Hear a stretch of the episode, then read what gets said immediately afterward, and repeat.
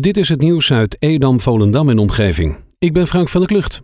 Gistermiddag is een echtpaar dat verbleef in een camper bij de Opperdam door de politie afgevoerd. De inzet van de politie was bedoeld om geestelijke gezondheidszorg voor het echtpaar mogelijk te maken. Op verzoek van de GGD heeft een psychiater gisterochtend vastgesteld dat het voor de gezondheid en de veiligheid van het echtpaar noodzakelijk was hen per direct op te nemen. Het echtpaar wilde daaraan niet meewerken en weigerde absoluut hun camper te verlaten.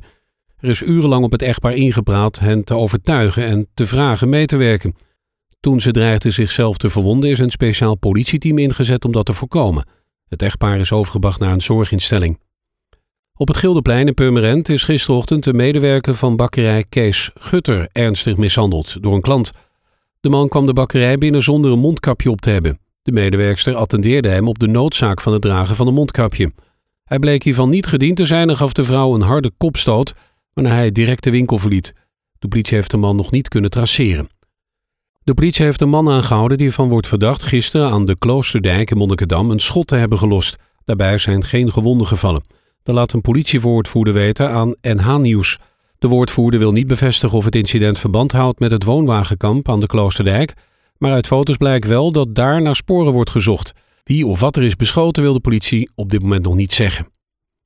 Ook degenen die het papier ophalen in de Edam-Volendam krijgen momenteel te maken met de avondklok. Daarom het verzoek om aan ieder om het papier zo vroeg mogelijk aan de weg te zetten op de gebruikelijke inzameldagen. Op deze manier zijn de papierophalers op tijd klaar voordat de avondklok ingaat. Relschoppers dreigden gisteravond op diverse plekken in Purmerend en de gemeente Zaanstad huis te gaan houden. Online werd opgeroepen om rotzooi te trappen bij onder meer de Koemarkt in Purmerend en winkelcentrum De Saan in Assendelft. Dat meldt het Noord-Hollands Dagblad vandaag. De rellen waren groots aangekondigd, maar de opkomst was minder. Het zou gaan om enkele tientallen jongeren. Een van hen werd aangehouden door de aanwezige politie nadat hij met zijn scooter op een agent was ingereden. Hij moest mee naar het bureau. Een ander kreeg een bekeuring omdat hij zich niet kon identificeren. De politie Noord-Holland heeft vijf verdachten aangehouden voor het plaatsen van oproepen om de rellen in onder andere Purmerend, Horen en Alkmaar. In het college van Waterland is het idee ontstaan om inwoners de mogelijkheid te geven om ideeën voor straatnamen in te dienen voor verschillende straten en stegen in het Galgeriet. Er is een speciale commissie gevormd die een advies uitbrengt over de straatnamen aan het college. In die commissie zit een vertegenwoordiger van de raad, een lid van het projectteam en enkele inwoners van Monnikendam.